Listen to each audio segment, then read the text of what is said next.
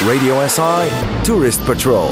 Foreigners living in Slovenia visit towns and villages, checking the current conditions in the country's tourism, giving their real, unbiased opinions. Tourist Patrol. A joint project of daily newspaper Dnevnik and Radio SI. It is time again for another edition of the Tourist Patrol here on Radio Slovenia International. And this time, Andy Polo from Peru and his family, his wife Anja Simšič, Amadej, his son, and his daughter Alaniss, had to find out, among other things, what there is to do in Gornji Grad. Gornji Grad lies at the foothills of the Savinja Alps and Gornji Grad has a rich history as well as a beautiful nature. I'm sitting here today in Ljubljana, not in Gornji Grad, as we could not manage to arrange for an hour to meet in Gornji Grad. So on Monday, Andy Polo invited me to join him in Ljubljana, and so we're sitting here in Ljubljana in a nice restaurant talking about Gornji Grad. Let us start with your search for accommodation in Gornji Grad. It's a very small village, and uh, with the help of the internet, what was your experience? Was it easy to find accommodation? Really, I would say if you have some time or in time to book some things, will be much better. And of course, if you are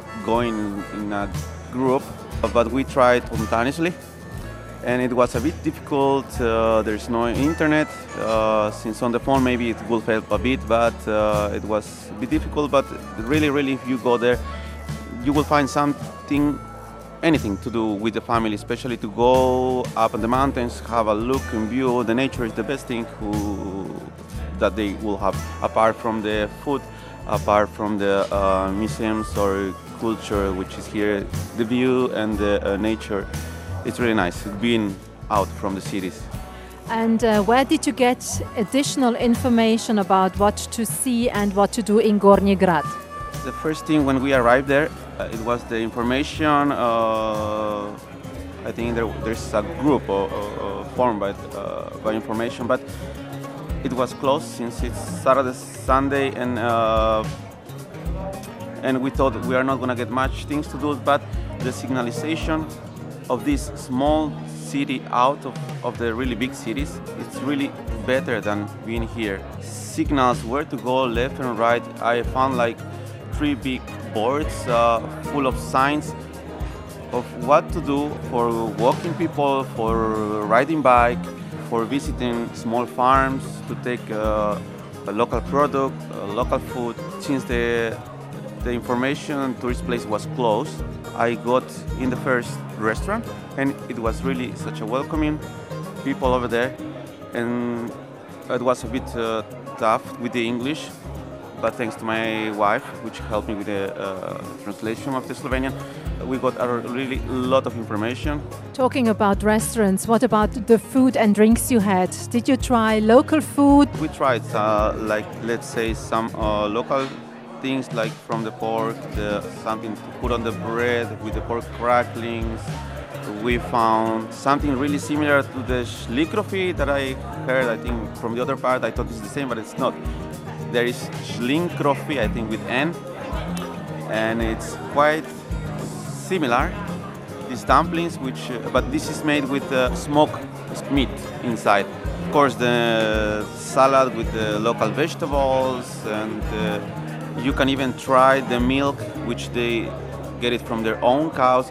Uh, you can even try the, how do you say here, the skuta.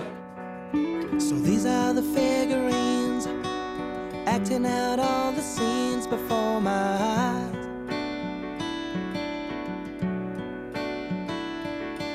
I thought I knew them all by name, but they started looking much the same, and it's no surprise. Don't wanna listen too much. How can I give up on all the days I know I've won? There's nothing but rainbows. I believe in the shadows behind me. Thought I might be dropping out, but now I'm gonna work it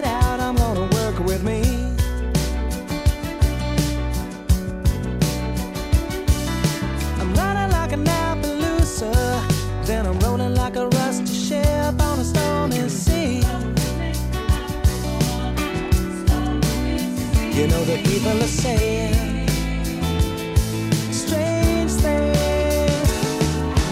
Tied to the I know you think the face is. I don't wanna listen too much. I'm not gonna give up on all the days I know I've won. There's nothing but blue sky. There's nothing but blue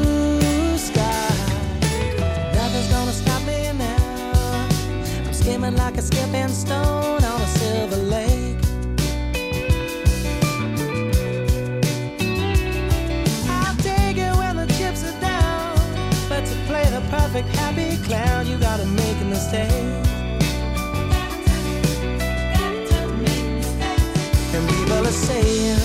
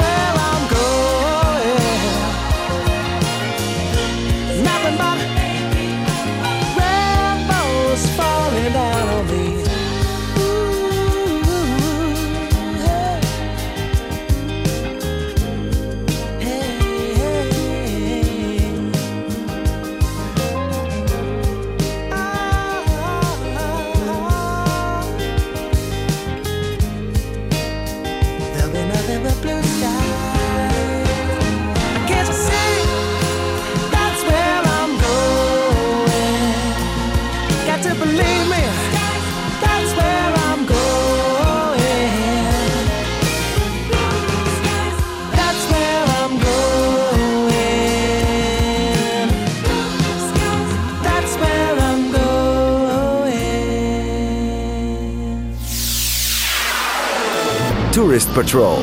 On Radio SI. So it seems like you got in touch with the locals, but you said uh, English was sometimes a problem. Yeah, the English was sometimes a problem. Uh, well, even even my English is not that good. I, I I'm not uh, English speaker. I, my mother language is uh, Spanish, but I tried speaking English or even Spanish. Maybe if they have some, they can answer me back. Uh, but it was a bit difficult, so I was being helped by my wife, and of course some words that I also understand since I'm here a couple of years in Slovenia. But the thing is, uh, how is the effort from the people to reach to you, to get into you, how happy they welcome you? It's really nice, really nice to see that. It doesn't matter maybe the other languages, but uh, how, how they try to get you in their culture and welcome you. It's really nice. So I think that you would recommend your friends to visit Gornji Grad. I, of course, I fully recommend uh, the one of the best thing over there. They have also one temple, I think, uh, which is from salt, which they clear your breathing in the air, and of course, some people which believe in the atmosphere, the negative things.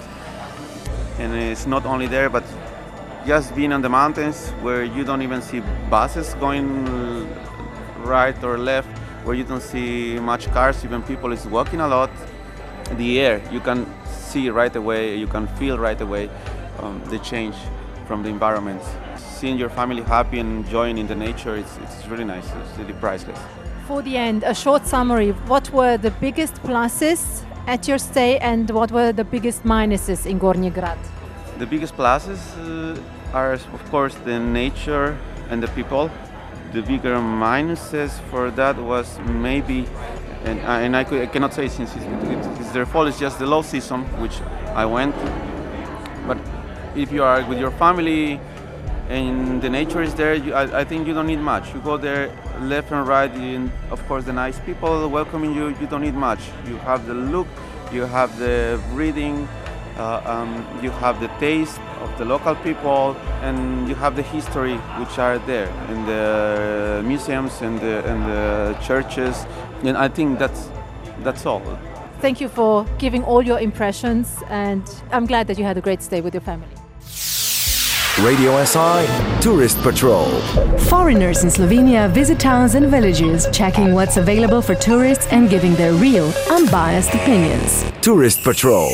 A joint project of the daily newspaper Dnevnik and Radio SI.